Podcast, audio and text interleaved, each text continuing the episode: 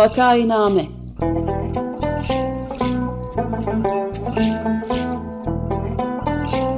Salgın günlerinde memleket manzaraları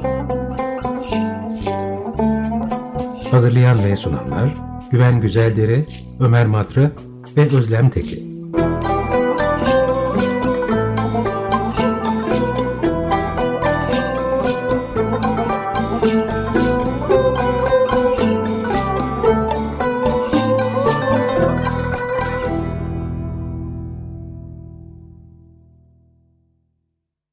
Vakainame'ye hoş geldiniz. 95 FM Açık Radyo'dasınız.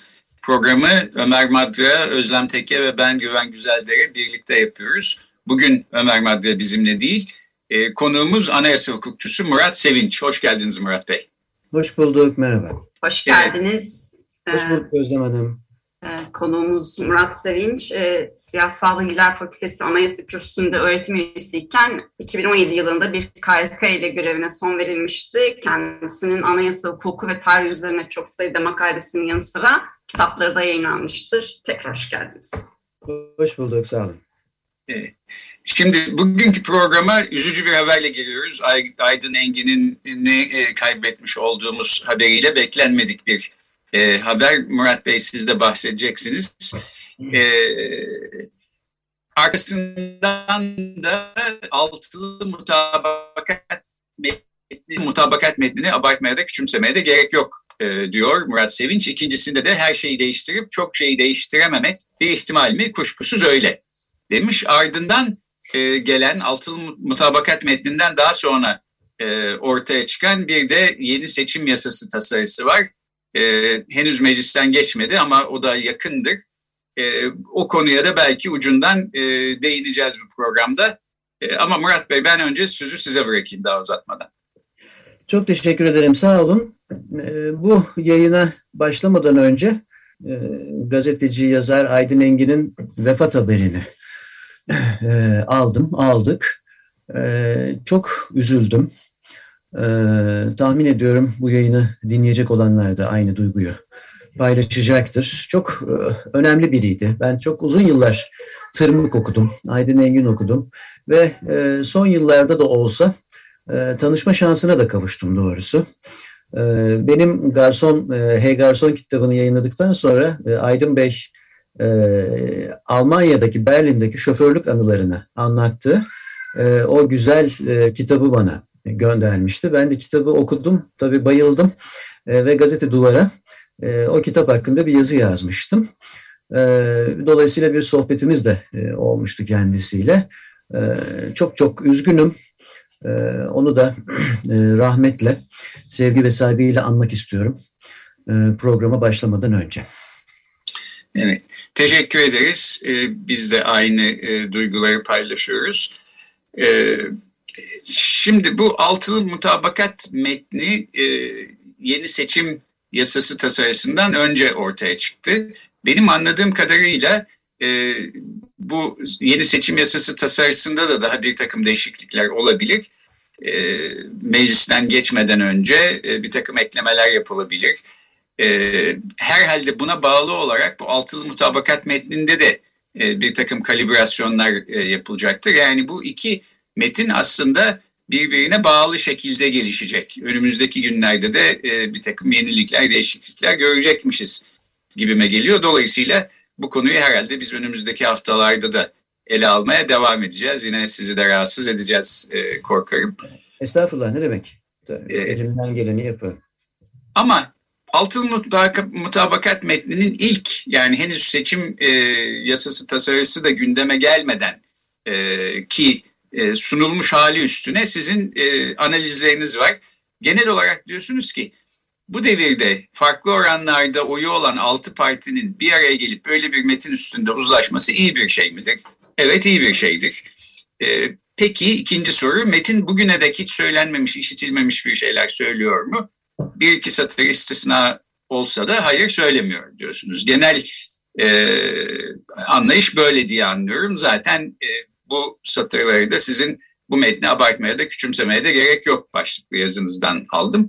Yine de e, çok heyecan yaratmadı bu metin. E, belki yaratması gereken kadar heyecanı da yaratmadı ama önemli bir Türk siyasi tarihinde, Türkiye siyasi tarihinde önemli bir adımmış gibime geliyor. Öylece de hatırlanacak herhalde. E, evet. Biraz buradan başlayarak bu metin ne söylüyor ne söylemiyor. E, buradan konuya gelebilir miyiz? Tabii. Ee, heyecan yaratmadı çünkü e, ee, yani işin doğrusu hani teknik e, sayılabilecek ayrıntılarla, çok sayıda vaatle e, dolu bir metin ve e, yani ülke çok yorgun. E, hiç kimsenin doğrusu bu kadar sıkıntı içinde, bu kadar zor e, hayat koşulları içinde yoksullukla, işte özgürlük sorunları vesaire e, bunlar varken böyle oturup da mesela bir hükümet sistemi ya da işte şey tartışacak işte Sayıştay denetiminin arttırılmasından tutun da işte özel kurumların yeniden güvence altına alınması gibi böyle hayli ayrıntılı sayılabilecek konuları ne dinleyecek hali var ne okuyacak hali var işin doğrusu. Yani size şunu söyleyeyim ben bunlar henüz yayınlanmadan önce her parti e, işte HDP, İyi Parti, e, CHP, e, şey DEVA bu aylar kaç ay önce olduğunu hatırlamıyorum ama 3-5 ay önce falan böyle kendi sayfalarında da bir takım şey Türkiye İşçi Partisi falan şeyler yayınlamıştı. İşte nasıl bir Türkiye istiyoruz falan. İşte en uzunu da İyi Parti'ninkiydi. Ben de o zaman üşenmedim. Bunların hepsini oturdum okudum. Sonra da özetledim işte İyi Parti'nin metni üzerine mesela iki yazı yazdım. Türkiye İşçi Partisi'nin iki yazı yazdım. Türkiye İşçi Partisi ile ilgili yazdığım yazılar biraz okundu herhalde. Ya bilmiyorum yani ne kadar okunduğunu ama mesela İyi Parti ve Deva Partisi ile ilgili yazdığım yazılara hiç neredeyse tepki gelmedi. E, çünkü muhtemelen hiç okunmadı. Yani buna ilgi çekici bulunmuyor. Yurttaş tarafından ilgi çekici bulunmadığı gibi bana kalırsa partililer, partililerin yerel düzeydeki çalışanları tarafından da aslında çok fazla ilgi çekici e, bulunmuyor. Bunun en güzel, bilinen örneği şeydir e, bu, bu dünyada. E, CHP mesela, CHP çok iyi raporlar hazırlar sayfalarca, onlarca sayfalık gerçekten çok iyi işte iyi akademisyenlerle falan çok iyi raporlar hazırlar. Öyle bir köşede kalır. Kamuoyunun neredeyse bundan hiç şeyi olmaz. E, hiç haber olmaz. Biraz bu metinlerin kaderi bu. Tabii burada önemli olan aslında bu partilerin bir araya gelmesiydi. O yüzden de hem bir araya gelmelerini hem de bu böyle bir metnin altına imza atmalarını önemsiyorum. E, ama sizin de söylediğiniz gibi e, ne söyledi dersiniz? E, bir, bir sürü şey söylüyor tabii. Yani bir sürü şey söylüyor. Çok sayıda vaat var içinde. Ama bizim alanımızda e, çalışan birisi için çok e, önemli bir şey söyleniyor diyeyim size. Ya da bugüne kadar Türkiye'de söylenenlerin çok dışında büyük böyle sürpriz olabilecek e, herhangi bir şey söylemiyor. Ama bazı istisnalar da var dedim. Evet mesela kadın sorununa bugüne kadar e, ki e, şeylerden çalışmalardan kadın erkek eşitliğine daha fazla yer ayırıyor. Ve daha somut, değerli toplu, daha ne dediği belli şeyler. Mesela bir, iki paragraf ayırmış falan. Böyle bir metin için bu doğrusu önemli. Ondan sonra mesela çevre meselesine, bu iklim krizine özellikle açık radyocuları tabii çok ilgilendiren, hepimizi ve sizleri çok ilgilendiren şey mesela Paris İklim Anlaşması'nın adını vererek onun gerektirdiği bütün önlemlerin devlet tarafından alınacağının güvencesi veriliyor filan. Yani aslında e, modern diyebileceğimiz e, tartışmalara e, tartışmaları ıskalamamışlar. Burada yer vermişler ve bunlar mesela sevindirici sevindirici şeyler. E, hakeza yerel yönetimler konusu e, şey güçlendirileceği söyleniyor. Bu kayyumluk meselesine son verileceği, işte yargı kararı olmadan hiçbir belediye başkanının yerel temsilcinin görevinden alınamayacağı, alınsa da onun yerine birisinin meclis tarafından seçileceği, e, yerel meclis tarafından seçileceği ve e, kamu hizmeti verimliliği için yetki ve sorumlulukların, yerel yönetimlerin yetki ve sorumlulukların artırılacağı. Bu uzun süredir bu partilerin dile getirdiği bir şey aslında. Güçlü yerel yönetim, güçlü yerel yönetim. Yeni değil yani 7-8 yıldır CHP başta olmak üzere muhalefet partileri bunu söylüyor güçlü yerel yönetim meselesi. Bu bambaşka bir e, belki şey işte pro programı e, e, hak eden bir şey. Aslında e, mesela İstanbul, Ankara Belediyesi, İzmir Belediyesi falan yaptıklarına bakıyoruz ya da Türkiye'deki tartışmalara bakıyoruz. Türkiye'de son zamanlardaki tartışmaların büyük kısmının aslında yerel yönetimlerle ilgili ve yerellikle ilgili tartışmalar olduğunu görüyoruz değil mi? İşte imar izinleri, Bodrum'da bir yere imar izni veriliyor, bilmem nerede HES. Bunların hepsi aslında yerel tartışmalar. O yüzden e, bu partilerin bunları e, es geçmemesi, e, özenli sayılabilecek bir dille e, kaleme alması bunlar olumlu şeyler. Ee, ama işte mesela eleştirilere bakıyorsunuz ya da işte şu da olsaydı bu da olsaydı filan de Kürt meselesi e, var mı? E, bu konuya ilişkin herhangi bir çözüm var mı? E, e, yok. E, hani güçlü yerel yönetimden bir şey çıkarabilir miyiz? Evet çıkarabiliriz filan. Ya da e, Kürt sorunu deyince yalnızca bunun adının anılmasına gerek yok. Örneğin temel hak ve özgürlüklerin, düşünce özgürlüğünün geliştirilmesi, o konunun güvence, herkesin düşüncesinin güvence altına alınması da aslında bu sorunla ve diğer bütün e, o tırnak içindeki kimlik sorunlarıyla ilgili bir konu. Dolayısıyla hiç yok diyemeyiz. Ha, ama Kürtlerin adı geçmiyor. Fakat böyle bir metinde de geçer mi? Geçmez. İşte e, okuyan e, onun satır aralarını okumaya çalışır. Ne bileyim Alevilikle ilgili satır aralarını okumaya çalışır. Herkesin inancının güvence altına alınacağı. Mesela inanç özgürlüğüne e, yönelik bir vurgu, güçlü bir vurgu var metinde. İşte oradan o sonucu çıkarıyorsunuz. Yani satır arası da okursunuz böyle metinleri. O yüzden e, Mesela böyle bir e, işte 50-60 sayfalık e, şeyle karşı karşıya, kitapçıkla karşı karşıyayken canım burada temel hiçbir sorunumuz çözülmüyor demenin de çok fazla anlamı yok. Çünkü e, pek çok konuda birbiriyle anlaşma ihtimali, %100 anlaşma ihtimali olmayan siyasi hareketler, ideolojiler bir araya geldiğinde benim de zamanında e, bir iki böyle toplantı görmüşlüğüm var. Şey çok zordur yani e, uzlaşmak, e, uzlaşmak son derece zordur. İşte herkes ödün verir. O sözcükler üzerine düşünülür, tartışılır. Şunu mu, işte şu bizim seçmenimizi rahatsız eder der. Diğeri bizim seçmenimizi şu rahatsız eder der. E, filan. Her partiyle konuşabileceğiniz, rahatlıkla konuşabileceğiniz şeyler farklıdır. E, bu bir ortak şey değil mi? Mesela im, imza metinleri içinde aynı aynı şeyi, e, bütün ortak metinler için aynı şeyi söyleyebiliriz. İşte ben hazırlasaydım bunu farklı hazırlardım. Ben zamanında Ergun Özbudun metni, 2007'de hazırlanan Özbudun metniyle ilgili bir toplantıda e, pek çok eleştiri yönelttim. O metni hazırlayanlardan birisi bir e, hocamız, e dedi Murat tamam yani de işte herkes hazırlasaydı başka bir şey hazırlayabilirdi. Ama bir araya geldik ve bunu hazırladık. E doğru. Ya şimdi bunun böyle bir tabii e, anlaşılabilir tarafı da var. O yüzden diyorum e, bu klasik parlamenter sistem kurmak isteyen e, meclis denetimini, güçlü bir meclis, güçlü bir hükümeti aynı anda inşa etmeye çalışan belli ölçülerden aslında 1961 Anayasası'na dönmeye çalışan, hükümet sistemi açısından oraya dönmeye çalışan, bana kalırsa özel kurumlar ve temel haklar özgürlükler konusunda da aslında 61 Anayasası'nın güvence anlayışına dönmeye çalışan ama o altı partiden tabii üçü dördü sağ partiler olduğu için e, metnin dibacesinde 1961 Anayasası eleştirisiyle başlayan bir metin bu. Bu da işin matrak tarafı.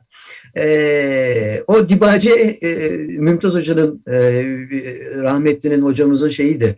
E, e, dibace yani başlangıç kısmı. E, e, operadaki üvertüre klasik müzikteki peşreve benzer e, dibaceler demişti anayasaların dibacesi. Şimdi bunun da başlangıcında şeyi anlıyorsun. Mesela 1921 anayasasına bir değinme var. Onun işte demokratik koşullar, demokratik e, yöntemlerle hazırlandığını e, söylüyor. Ondan sonra 24'ü atlıyor. E, bunların hepsi üzerine çok uzun uzun konuşulabilir. Neden o altı parti 24'ü atladı? Hemen 61'e geldi. Çok uzun konuşulabilir ama bunlar metnin ideolojisini çözümlemek için ancak konuşulabilecek ve e, herhalde bu programda yeri olmayan şeyler, e, konular. Ama mesela 61 eleştirisi hakikaten matrak çok belli. E, sağ partilerin gönlü olsun diye bir eleştiri yapılmış orada. E, e, ama devamına da bakıyorsunuz e, 61 Anayasası'nı, 61 Anayasası belli açılardan hakikaten çok iyi, özgürlükçü e, bir şeydir, anayasacı, e, anayasadır. E, o anayasanın, anayasayı da andıran pek çok şey var, konu var. Bu o yüzden bana bu dibacı şeyi hatırlattı. E, mesela Tanzimat Fermanı 1839'da şöyle bir cümleyle başlar. Türk, e, yeni Türkçeleştirilmiş hali der ki e, devletin işte 150 yıldır geriye düşmüş olmasının nedeni şeriat şeriattan sapılmasıdır. Ben biraz şey söylüyorum, kısaltılmışını söylüyorum. Yani neden başlatıyor? İkinci Viyana e, bozgunundan başlatıyor. 1683'ten başlatıyor gerilemeyi. E, şimdi burada ne beklersiniz? Devamında şeriatla ilgili bir şeyler duyacağınızı beklersiniz. Yok, Metnin geri kalanında şeriata hiç atıf yoktur. Yeni yasaların yapılmasından söz eder Tanzimat Fermanı. Toparlanma için. E çok belli ki egemen ideolojiye bir ödündür bu. E, bu cümleyle başlaması. E, ya da 1921 Anayasası'nda 29 Ekim 1923'te yapılan 6 maddelik anayasa değişikliğe bakarsınız. Cumhuriyetin ilan edildiği değişiklik. O değişikliklerden birisi de devletin dini dini İslam'dır hükmünün konulmasıdır. E ne ilgisi var? Niye şimdi durup dururken? E çünkü Cumhuriyeti kabul ettirebilmek için o pazarlıklar sırasında, o konuşmalar sırasında işte oraya öyle bir hüküm de e, şey yapılıyor. Daha sonra değiştirmek üzere olduğu çok belli. Çok belli. Nitekim işte 7 yıl sonra 28'de filan da anayasadan kaldırılıyor zaten bu ifadeler. Yani diyeceğim metinleri yalnızca önümüze konulan haliyle değil de biraz da biraz da böyle satır aralarına bakarak herhalde şunu da şunu şunu şurada şunu şöyle söylemeye çalışmışlardır filan diyerek de şey yapmak mümkün. O yüzden dedim çok heyecanlanmaya da gerek yok. Görmezden gelmeye ve küçümsemeye de gerek yok. Nihayetinde bu partiler milyonlarca oy alıyorlar ve demokrasinin temel ilkeleri üzerinde uzlaştıkları ve parlamenter sisteme dönme sözü verdikleri bir metni imzalamalarını e, ben doğrusu şey yapıyorum. E, önemli. Önemli buluyor, buluyorum. Hani onun dışında bunlar dışında ayrıntılı bir şeyler de dinlemek isterseniz anlatabilirim. Bir şey kaygısı tabii hep metinde var. Yani biz geriye dönmüyoruz e, yeniden eski sisteme dönmüyor. Çünkü onlar çok endişeli bu partiler. Bir türlü dert anlatamıyorlar. Yani parlamenter sistem deyince insanlar e canım eskiden de parlamenter sistemdi zaten diye yanıtlıyor. E, o yüzden hep e, açıkça ya da yine satır arasında geriye dönül eskiye dönülmediğini e, bunun güçlendirilmiş sıfatının aslında daha önemli olduğunu bize anlatmaya çalışıyorlar ki benim de e, metnin tümüne hakim olduğunu e, tahmin ettiğim, düşündüğüm şey bu. Vurgu bu. Parlamenter sistem doğru ama bu eninde sonunda bir hükümet sistemi ve 2017'ye kadar zaten parlamenter sistemde Türkiye'de sorunlarıyla birlikte. Ee, biz bunu güçlendiriyoruz. En nesini güçlendireceksin ki işte hükümet sistemleri son derece basit teknik düzenlemelerdir. Demokrasiyi güçlendiriyoruz diyorlar aslında ifade özgürlüğüyle, sosyal haklarıyla, bütün kişi haklarıyla, e, siyasi parti güvenceleriyle filan biz demokrasiyi e, güçlendiriyoruz. Özel kurumları güçlendiriyoruz e, diyorlar aslında. Metin metnin şeyi bu. E, söylediği evet, şey da... yani orada güçlendirilmiş, demokratikleştirilmiş parlamenter sistem olarak algılamakta yarar var. Evet tam da bu konuda aslında Özlem Hanım'ın bir iki sorusu var. Ben şimdi şöyle anlıyorum daha genel bir şekilde bakacak olursak söylediklerinizden bu metni okurken yalnız metni okumak değil hem satır aralarına bakmak hem de bağlamını e, göz önüne almak önemli. E, bağlamı konusunda da ben hatırlatayım sizin konuk olduğunuz 6 programlık bir seri yapmıştık. Türkiye anayasalarını ta Osmanlı'dan başlayıp bugüne kadar e, incelemiştiniz. Çok faydalı bir seriydi. Ben onun da e, linkini bu programın duyurusuna e, yerleştirdim. Oradan da bulunabilir. E, fakat böyle genel bir bağlam içinde baktığımızda da yani bir takım e, sorular açıkta duruyor. Bu güçlendirilmiş parlamenter sistem Cumhurbaşkanı nasıl seçileceği falan. Ben o soruyu da ama Özlem Hanım'a bırakayım. Hı hı, Teşekkürler. Evet. Aslında biraz yanıtladınız ama e, geçen yılda e, biz e, sizin yaptığımız programlarda hem e, Türkiye'nin anayasacılık tarihini özetlediğimiz ve güçlendirilmiş parlamenter sistemle ilgili konuştuğumuzda e, bu kavramın aslında çok net olmadığını e, hem de e, biraz da esprili tanımlamalarla belirtmiştiniz. Sizce bu açıklanan mutabakat metni buradaki bu muğlaklığı giderebiliyor mu? Bunu sorayım. Bir de bağlamında da bir şey belirtmek, sormak istiyorum. Cumhurbaşkanının nasıl seçileceği üzerine net bir yöntem belirtilmemesini de nasıl değerlendirdiğinizi merak ediyorum. Tabii. bir ölçüde bir ölçüde gideriyor. Yani Cum Cum Cumhurbaşkanı 7 yıllığına seçilecek diyor. Şimdi şu, şunu sö söyleyerek başlayayım. Bu aslında anayasa metinlerinde bir geçmiş döneme tepki vardır. Kaçınılmazdır bu. 61 Anayasası 24 Anayasası dönemine Demokrat Parti ya 1950-60 arasına tepkidir. Efendim işte 82 Anayasası 61 Anayasasına ve 61 Anayasası dönemine tepkidir filan. Anayasaların böyle bir tepki niteliği var. Şimdi bu da önünüze koyun işte 50 küsur sayfayı okuyun. Şu anda e, şikayetçi olduğumuz bu ülkede ne varsa onların hemen hepsini anan işte düşünce özgürlüğü sorunundan tutun da toplantı gösteri yürüyüşünün e, neredeyse imkansız muhalifler açısından neredeyse imkansızlaştırılmasına kadar şikayet ettiğimiz ne varsa hepsine ilişkin bir şey söylemek isteyen bir metin bu. Tamamına ilişkin. E, yerli yersiz her neyse. Şimdi mesela Cumhurbaşkanı konusunda da öyle bir e, şey var, düzenleme var. Tabii olacak iş değil. Diyor ki Cumhurbaşkanı 7 yıllığına seçilir. Güzel seçilsin. Ve Cumhurbaşkanlığı bittikten sonra bir daha aktif siyasete dönemez. Şimdi bu e, açıkça bu döneme tepki.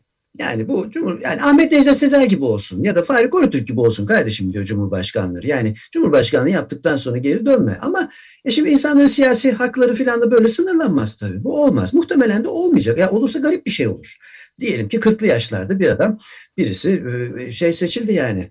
E, Cumhurbaşkanı seçildi. E bitti 50 yaşına gel. Ne yapacak yani? Şimdi böyle e, ileride e, tuhaf sorunlar yaratacak düzenlemeler yapmaktan kaçınmak lazım. Yani anayasa hükümleri hep geleceği de hesap ederek düşünerek, o anki sadece sorunları değil, geleceği de hesap ederek yapılır. Dolayısıyla mesela bu o kadar belli ki bir tepki oldu. Yapsın Cumhurbaşkanlığını 7 yıl bir daha seçim falan da yok. 7 yıl yeter bir daha siyaset de yok demiş mesela bu metin. E, bunlar tabii ileride konuşulurken e, eğer gelirse meclise, gündeme bir anayasa değişikliği olarak muhtemelen değiştirilecek şeyler. Ha sizin sorduğunuz e, örneğin evet Cumhurbaşkanı 7 yılına seçilecek ama kim seçecek? Halk mı, meclis mi? İşte e, burada satır arası okuyoruz. Nedir o satır arası? Boşlukta, boş bırakılmış orası. Kimi seçeceği belli değil. Çünkü e, biliyoruz ki örneğin CHP e, yani daha sol sosyal demokratlar meclisin seçmesinden yanadır hemen her zaman. E, sağcılar da, sağ partiler de bu işte Demokrat Parti çizgisinden bu bütün, bütün şey, Adalet Partisi, Doğru Yol Partisi, Anavatan Partisi filan bugüne kadar getirebilirsiniz. Hep halk tarafından seçmekten yanadır. Bunu da önceki programlarda konuşmuştuk. Bu halk tarafından seçilme meselesini ve Amerikan başkanlık sistemi önerisini ilk yapan Necmettin Erbakan'dı. 1970'lerin başında meclise sunan, mecliste ciddi ciddi bunu gündeme getiren. Sonra Demirel Özal hepsi bunu savundu. 2007'de yapmak, bunu yapmak AKP'ye kısmet oldu. Dolayısıyla e, bu konuda anlaşamadıkları e, ve bunu geleceğe bırakalım dedikleri çok belli. E, ama elbette meclis seçmeli. Çünkü siz Türkiye gibi bir ülkede e, Cumhurbaşkanı halka seçtirdiğinizde istediğiniz kadar e, sembolik yetkilerle donatın ki şu anda önerilen metin bize bunu söylüyor. Cumhurbaşkanı sembolik olacak diyor. Onur verici bir görev olarak 7 yıl yapılacak. Fazla etliye sütlüye karışmayacak. İşte parlamenter İngiliz kraliçesi gibi. Orada işte devleti temsil edecek. E, ama şimdi bunu halk seçerse bu böyle olmaz. Yani halkın seçtiği, halkın oy verdiği biri öyle davranamaz. Öyle bir ihtimal yok. E, bu monarşilerde parlamenter sistemin e, İngiliz monarşisinde gelişmesinin nedeni de bu. İşte kral çok kolay bir köşeye hükümdar daha doğrusu kral kraliçe bir köşeye e, itilebildi. E, halk, halkın seçtiği insanın e, tarafsızlığıyla e, işte meclis tarafından seçilen e, birinin tarafsızlığı elbette aynı olmayacaktır. Dolayısıyla işte buralarda şeyleri görüyorsunuz. Onların kendi aralarında yaptığını tahmin ettiğim bir takım tartışmalar hep bu e, satırlarda var. O yüzden zaten ama dedim ya böyle bir metnin e, pek çok konuya açıklık getirmesi açıklık getirmesi e, bana kalırsa pek mümkün değil. Ha şunu yapıyor. Mesela boşlukları dolduruyor mu? Daha önceki e, eleştirilere konu olan boşlukları diyorsunuz. E, evet öyle yerlerde var. Öyle olmayan yerlerde var. E, bu e, metin, önümüzdeki metin, mutabakat metni şunu yapıyor. Türkiye'de aslında hep yapılan şeyi bir kez daha tekrar ediyor. Bu açıdan ama ben bunu bu insanlara, bu partilere yönelik bir eleştiri olarak yapmıyorum yalnızca. Daha önce de konuştuğumuz konu hep teknik çözümlerle sorunları çözme e, meselesi. Teknik hukuksal çözümlerle yani hukuk işçiliğiyle sorunları çözme. Örneğin diyor ki mesela yargı bağımsızlığını e, HSYK işte bağımsız olacak, Adalet Bakanı müsteşarı HSYK'dan çıkacak. Ya bunu 40 yıldır söylüyor hukukçular. E, oysa ama Metin tabii bunu söyleyip geçer. E, metin tutup da işte hakimleri şöyle eğiteceğiz, böyle eğiteceğiz, savcıların işte hukuk fakültelerindeki eğitim şöyle olacak, şu tip e, bir takım e, düzenlemeler yapacağız filan diyemez böyle bir metin. O yüzden o teknik kısmını söylüyor. E, ya da işte yolsuzluğu engellemek için yasaların çıkarılacağı vesaire. Oysa doğrudur hani bu tip şeffaflık e, içeren şeyler, yasalar, ondan sonra işte siyasi etik kanunu diyor metnin 46. sayfasında. Bunlar önemlidir de Şimdi sırf etik kanunu var diye de bir ülkenin siyaseti ahlaklı olmaz. Başka şeylerde, Başka şeyler de gerekli. E ama ne yapsın Metin? Şimdi oturup e, altı parti metinde dedikodu mu yapsın? Hayır. Bunu söylemiyorum. Söylemek istediğim şey e, bu teknik önerilerin hemen hepsine ben tamam diyebilirim. Benim gibi düşünen birisi tamam diyebilir. E peki güzel evet bir etik kanunu çıkarılsın bilmem işte şu konularda şeyler çıkarılsın filan. E, ama bunların yaşama geçirilebilmesi için bu teknik düzenlemelerin çok ötesinde sorunlarımız olduğunun kabul edilmesi öncelikle gerekiyor. E, bu da siyasi mücadele demektir ve halkın e, baskısı, kamuoyu baskısı demektir. E, yani bu partiler bir protokol imzaladı diye e, herkes bir köşeye çekilip onların ne yapacağını beklemeyecek ki bu tartışmalar e, gündeme geldiğinde bütün toplum toplumunda işte yani bütün toplum değil de işte kim ilgileniyorsa bu konularla herkes bir ucundan tutacak. Bunlar tartışılacak işte e, filan anlatabiliyor muyum? Yani şimdi kadın erkek eşitliği meselesi deniyor. İşte birileri diyecek niye kadın erkek diyorsunuz? İşte o cinsel yönelim bilmem ne e, filan diyecek. O haklardan söz edecek. O partilerden bazısına belki bu olağan görünecek ama işte birisi diyecek ki canım olur mu böyle şey e, bu toplumda hiç böyle şeyler olur mu böyle şeyler anayasaya girmez diyecek falan. Yani bu eninde sonunda bir mücadele. E, herkes birbirini itecek. Anayasalar öyle yapılıyor. Herkes birbirini itiyor. E, güçlü olan doğal olarak daha fazla itiyor. Ama e, herkesin e, çok da memnun olmadığı ama bir şekilde işte uzlaşılabilen, iyi kötü uzlaşabilen bir noktada o bütün o itmelerin sonunda, bütün o basıncın sonunda bir yerde buluşulabiliyor. Ee, bana kalırsa böyle bakmak lazım e, bu şey metne. Yani bütün önerilerin, bütün önerilerin eninde sonunda bir e, teknik e, çözüm önerisi olduğu şey göz önünde bulundurulmalı. Mesela üniversite harika diyor ki yok kaldırılacak çok güzel. Bugüne kadar yok kaldırılacak diyen e, ilk e, şeyde bu değil. E, pek çok parti YÖK'ün kaldırılacağını söyledi. Sonra iktidara geldi. YÖK'ü ele geçirdi, kaldırmadı mesela. E bakalım bunlar ne yapacak? Anlatabiliyor muyum? Ama şimdi diyorlar ki yok kaldırılacak. E bu güzel bir şey işte. Ben tabii yok kaldırılacak cümlesini tabii ki destekliyorum.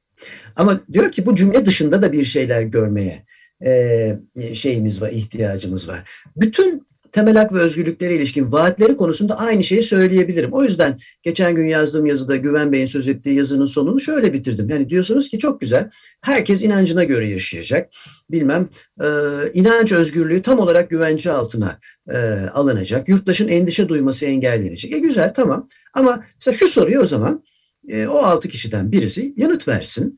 Ee, şimdi her yerde İstanbul'da işte Balat'ta şurada burada görüyorum ee, sarıklı cübbeli e, vatandaşlar e, lokantaları içkili lokantaların bir ailelerin önüne geliyorlar ve e, tebliğ ediyorlar. İşte değil mi hepimizin bildiği bir şey işte onları doğruyorlar. İçki içenleri doğruyorlar. Orada yemek yiyenleri doğruyorlar sevk etmeye. Dine sevk etmeye çalışıyorlar filan. Bu dinin yayılması hakkı mıdır? E, yani yemek yiyen insanı rahatsız etmek münasebetsizliktir ama hadi tamam bunu bir hak olarak kabul edelim. Evet dinini yayıyor. E güzel tamam. E, e şimdi mesela bir inançsız e, vatandaş gidip de e, bir Müslüman mahallesinde e, inançsızlığını anlatıp e, onları inançsızlığa sevk etmek istese ne olacak? Şimdi beni ilgilendiren bunun yanıtı. Yoksa bu güzel sözler bu metinlerde hep vardır. İnanç özgürlüğü vesaire. Bugünkü anayasada da var. Bugünkü anayasada da var. Sorun bu. e, e, dolayısıyla da burada tabii bir bu insanların samimiyeti, iki onların samimiyetiyle kesinlikle yetinmemeliyiz. Kamuoyu baskısı. E, bu kamuoyu, Türkiye'deki kamuoyu bu konularda ne düşünüyor, nasıl bir baskı yapacak, birisi böyle yap, bir şey yapmak istediğinde insanlar onun hakkını savunur mu savunmaz mı filan işte orada da hukuk dışı alanlara e, şey yapıyoruz, kayıyoruz. E, yine uzattım galiba değil mi Güven Bey? Ee, yok estağfurullah. Peki bu genel çerçeve içinde demek ki bu metni değerlendirmek lazım diye anlıyorum. Bu metinde de herhalde değişiklikler olacak. Bu metnin ne şekilde icra edileceği konusunda da e, yani evrilerek gidecek önümüzdeki günlerde bunu göreceğiz herhalde. Ayrıca bunu, bunu bir eğer e, bir e, anayasa için eskiz kabul eder ediyorlarsa ki biraz herhalde öyle bir şey işte biz iktidara gelirsek bu ülkelerin yer aldığı yeni bir anayasa yapacağız diyorlar. Yeni evet. bir sistem kuracağız diyorlar. E, bunu kabul ediyorlarsa o bu tabii e, parlamento çoğunluklarına bağlı yani başka pek çok değişkenin bir araya gelmesiyle ancak olabilecek şeyler bunlar. Evet. Aha, ya da 2017'de olduğu gibi belki de onu yapamayacak pek çok şey yapamayacaklar ama işte diyecekler ki e, hiç olmazsa yeniden parlamenter sisteme dönelim filan.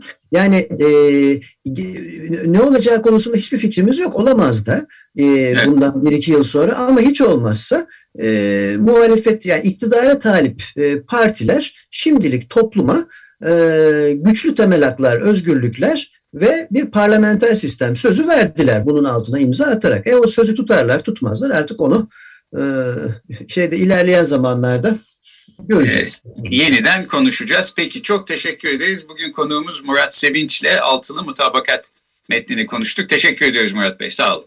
Ben çok teşekkür ederim. Sağ olun. Görüşmek üzere. Kalın.